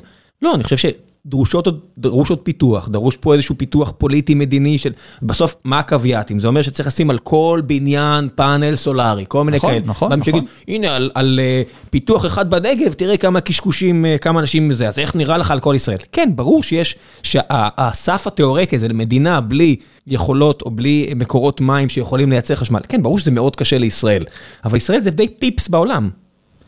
יש מדינות שבאמת יכולות לפתור את הבעיה הזאת, והן באמת מאוד משמעותיות. אבל השאלה אם ישראל באמת פיפס, ישראל פולטת אה, פי שלוש יותר משוודיה. פי שלוש יותר מנורבגיה. מדינות עם אוכלוסייה דומה. אוכלוסייה דומה. רגע, באמת? אוכלוסייה דומה? שוודיה, שוודיה עשרה מיליון. לא, שוודיה אני יודע, נורבגיה לדעתי... אני חושב שזה שתיים, שלוש מיליון, לא? נורבגיה אני לא יודע, תבדוק, אפשר לבדוק, אבל שוודיה וישראל מאוד דומים, והם אה, פי שלוש פחות מאיתנו, כן? כן. המדינה הזהירה הזאת נורבגיה עם אלוף עולם בשח ואלוף עולם בכדורגל. לא אלוף עולם, הוא לא יהיה אלוף עולם בחיים, אבל הוא יהיה מפלצת, או כבר עכשיו. אה, חצי מאיתנו, כמעט, 5.3. 5.3, אוקיי, יוון פולטת פחות מאיתנו, פורטוגל אה, פחות מאיתנו, אנחנו פולטים די קרוב לבלגיה. איך יוון פולטת פחות מאיתנו? כי פחות תעשייתים? פחות תעשייתים, איזה תעשיות כבר יש פה שפולטות כל כך הרבה? אז בעיקר, בישראל זה המון תחבורה, כן? התחבורה מאוד לא יעילה, אה, ו... יוון 10.7 מיליון פולטים. 10.7. אז הם פולטים פחות מאיתנו. באמת? אה, כן, כן. אנחנו פולטים per capita יחסית הרבה, לא רחוק יותר לא, מעם. per capita הייתי מניח שאנחנו top top top עולם. כן, אנחנו, ואנחנו בעצם פולטים, אנחנו מדינה קטנה שפולטת כמו מדינה בינונית. אז להגיד שאנחנו פיפס, אז אפשר להגיד שבלגיה פיפס ופורטוגל כן, פיפס ויוון. הנקודה היא פשוט בגלל שאנחנו מדינה אה, מערבית רועשת, אנחנו אנשים רועשים, אה, מהרבה סיבות פוליטיות, גזעניות, לא גזעניות, לא משנה מה. כל מדינה שתורמת לאיזשהו כיוון, זה עוד בונוס, אתה יודע, נורבגיה הקטנה שהולכת לרכבים חשמליים, זה שוק ענק לטסלה, משתמשים בה לייצוג של ככה וככה, ראינו את זה נגיד ב, עם כל מה שקרה עם הקורונה, איזושהי מדינה קטנה הצליחה לעשות סגרים כמו שצריך ולצאת מהם כמו שצריך, כולם מסתכלים עליה. גם כמו אנחנו עם החיסונים אגב. כן, כאילו. בני אדם זה יצורים סוציאליים, אתה יכול להיות דוגמה טובה לאחרים, לחשוב שאתה יכול פשוט לזרוק זין. לגמרי, ותחשוב איזה אה, יתרון אה, גיאופוליטי זה יכול לתת לך, כאילו אם אתה מדינה או אה, אם אתה נשאר כמדינה שחורה ומזהמת שכל השאר מתקדם, כל העולם מתקדם, איזה מוקסה אתה תהיה. ואם אתה הולך בחזית המחקר ונהיה מדינה נקייה שמפתחת טכנולוגיות ו climate-tech ודברים דומים, איזה יתרון זה נותן לך גם כלכלית, גם חברתית, גם פוליטית. פלוס זיהום אוויר. ומפחית זיהום אוויר, שזה אולי הדבר הגדול ביותר. יש פה אלפי אנשים, כנראה, זאת אומרת, אתה מסתכל בקריית טבעון, יש פה מקומות שאין פה כמעט יישובים שלמים שאין משפחה אחת שאף אחד לא מת מסרטן. באמת, אני מצטער שבחרתי סתם יישוב, אבל אולי אני טועה, אבל לפי מה שאני זוכר. דברים שאתה יודע, נורא ואיום. לגמרי. ומה, זה לא, זה לא יש מאין, הדברים האלה לא קרו... כי מישהו עשה את זה, מישהו פישל והעלים, כמו עם העופרת באוויר, אנחנו עושים פה דברים שאפשר לתקן אותם. לחלוטין, זה עניין שהמדינה צריכה לשים את זה בראש סדר העדיפויות. בעיניי, אגב, האיום האקלימי על ישראל, שהיא אה, גיאוגרפית נמצאת במקום מאוד מאוד רגיש, לא נופל מהאיום האיראני ומכל איום אחר, ושם אנחנו צריכים לשים את זה בסדר. מה גם שאם אה, אם, אם היינו מצליחים אה, לכוון את העולם לפחות נפט, זה ממש מהאינטרסים הגיאופוליטיים שלנו. לחלוטין, לחלוטין. כן. לגמרי. מה לעשות שאתה יודע, זה שהתקרבנו עכשיו לערב הסעודית אחלה, אבל ממש היינו שמחים אם קטר, ערב הסעודית, איראן, עיראק, שהמשאב היחידי והחשוב שלהם, רוסיה, רוסיה, ייעלם. זה ממש היה נפלא עבורנו, גיאופוליטית. אגב, החוק הזה, החוק של, של ביידן, החבילה של ביידן, המטרתה הלא מוצהרת, זה בעצם להרוס את הדרישה לדלקי מאובנים. זה המטרה בעצם, כן? שהם הגיעו לפיק, העניין הוא שהם הגיעו היום לפיק, ומכאן הדרישה הולכת אה, לרדת. המתחדשות יהיו עוד יותר זולות, עוד סובסידיות, עוד אה, מחקר באגירה. עוד מכוניות חשמליות, כן? לשם אנחנו הולכים. אני לא, יהיה לי קשה לראות, לא יודעת, קשה לראות איך חברה רוצה עכשיו לחפש נפט או גז במקומות באמצע הים או במקומות מרוחקים, שיעלה להם מיליארדים של דולרים, למשהו שעוד 7-10 שנים יוכלו להפיק, בעולם שלא ברור מה יהיה העתיד של הגז והנפט אז. כן. אה, שאלה מעניינת. כן, עכשיו יש לי שאלה, באמת אם, השאלה, לשאלה הזו, זה האם באמת, כמו שקרה בגרמניה, שהם לא הספיקו לעבור לאנרגיה נכון, ירוקה נכון. לפני שסגרו להם את השיבר, אבל בסוף, צריך גם להגיד, נהיינו רכים לאללה. אתה מסתכל, אתה יודע, איך הגרמנים יעמדו בזה. אוקיי, לפני 80 שנה הרוסים באו ואנסו כל אישה אפשרית בברלין, בואו. אנחנו מדברים על ילד קצת קר. אני חושב אוקיי. ש... אני מסכים, אני מסכים. כן, אתה יודע, אנשים פה בישראל מספרים על כמה יהיה קשה לגרמנים. גם שיהיה להם קר, האיכות חיים שלהם תהיה יותר גבוהה משלכם.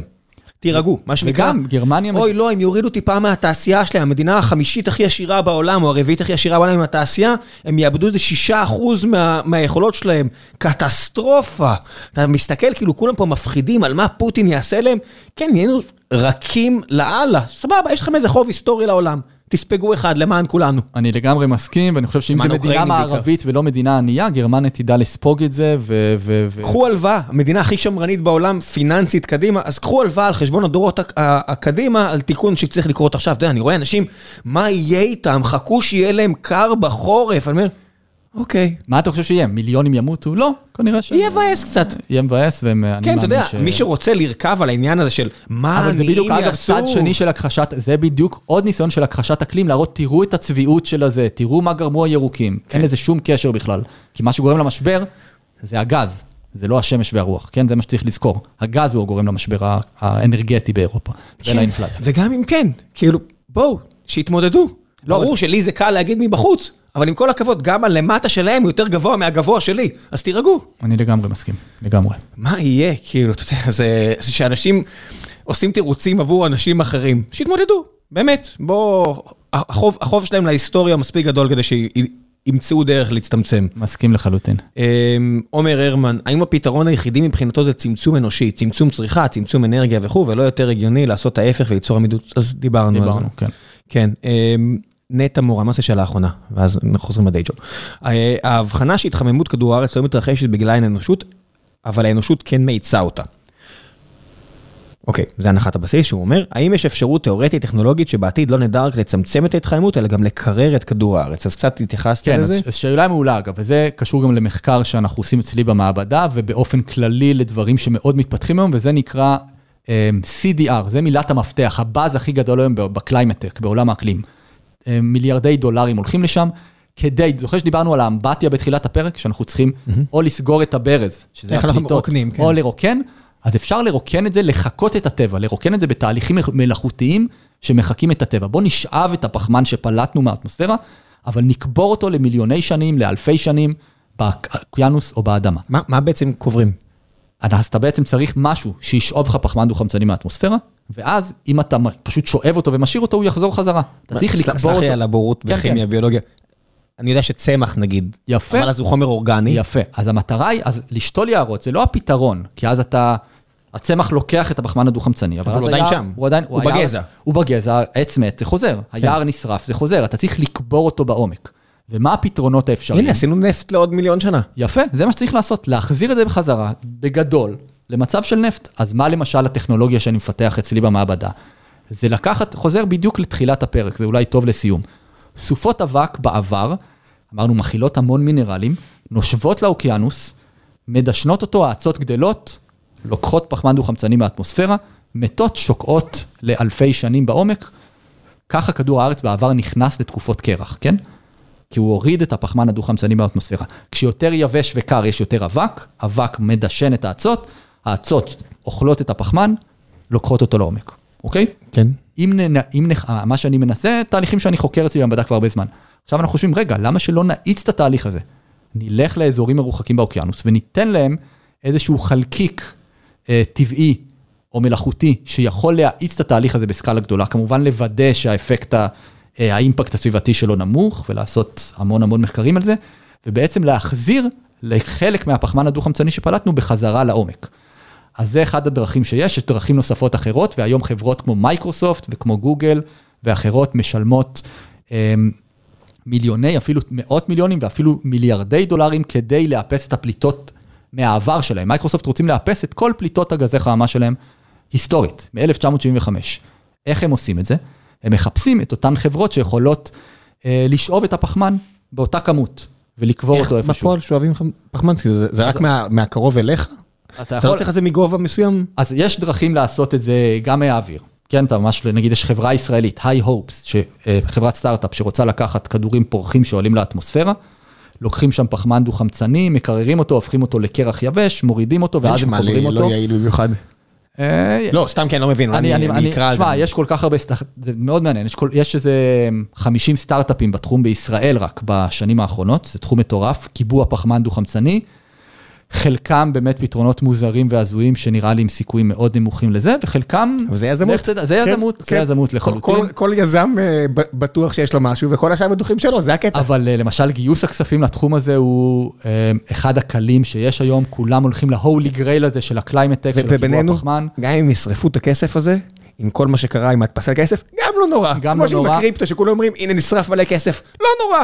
המטרה עכשיו של הפד זה להעלים כסף מהעולם, שילך למדע. לגמרי, שילך לשם, וגם אם 49 ייכשלו ואחד יצליח, מדהים, יופי, זה- המודל. אני רק רוצה לתקן משהו שאמרתי לפני שאנחנו מסיימים, שאני אומר לגרמנים אה, שישרדו, זה- אני לא מתכוון שאנשים יהיה קר וימותו מקור, אני אומר שתעשיות יודממו לכמה חודשים, שהממשלה תפצה את התעשייה, אנשים יקבלו את המשכורת בלי לעבוד, משהו כזה, ברור. אפשר לפתור. אני לא אומר שבן אדם צריך למות מקור, כן? אני לא חושב שזה יקרה במדינות מערביות פרנקפורט וכאלה. שהייתי במינוס 20, אני לא מדמיין סיטואציה שלא יהיה להם אה, חימום, אני פשוט אומר, המפעל ליד, אולי ידמ- י- ידמ- ידממו אותו, ל- ידממו אותו? ידמימו? כן, יד- ידממו זה דם. לא, כן. טוב, אה, יצאתי עילג בסוף הפרק, אה, בטח בהרבה דברים לא, אחרים. אני אפילו, גם אני לא זוכר איך אומרים את זה. תעצרו את המפעל לארבעה, שישה חודשים. כן, מה לעשות? אני מסכים. זה אני מדבר, אני לא מדבר שאנשים ימותו מקור, שאדם אחד אפילו לא לא ישלם בחייו על ה... אני אישית גם לא חושב שזה יגיע לשם, אבל אני לגמרי איתך. אתה יודע, גם אם כן צריך למפעל, לא לבן אדם, כן? כן, כן, ברור, בסדר, מה לעשות? נכון. שוב, נכון. חוב היסטורי. תשמע, גם יש היום מלחמה ב- באירופה, שכאילו, כן. זה המצב, זה המצב, בטח, מה לעשות? אנשים משגרים עליהם טילים, להמשיך להזרים כסף לבן אדם שעושה את זה, ופלש למדינה, לא יודע, מוסרית גם יש פה עניין. אם אתם רוצים להיות כאלה high and mighty מוסרי, לגמרי. למוסר יש כ- למח- למוסר יש מחיר.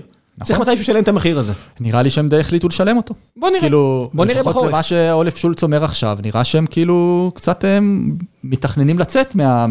או שהפסיקו לחלוטין, אני לא יודע מה המצב עכשיו, אבל מצמצמים מאוד את התלות בגז הרוסי. כן, ואולי על הדרך הם יורידו את החייל הרוסי הענק הזה בברלין שמצביע על הרייכסטאג, או לא יודע מה, על הרייכסטאג, על בית המחוקקים שם, אולי כן. גם על הדרך, בסדר, 80 שנה עברו. כן. כן, אולי זה יכול להיות אחלה דרך, אה, אחלה תירוץ עבורם גם להוריד את השטות הזאת, בעיניי לפחות. לגמרי. שכל הפטריוטים הרוסים עכשיו יקפצו עליי. או יקפצו, נקודה. יאללה, ביי. אם הייתי,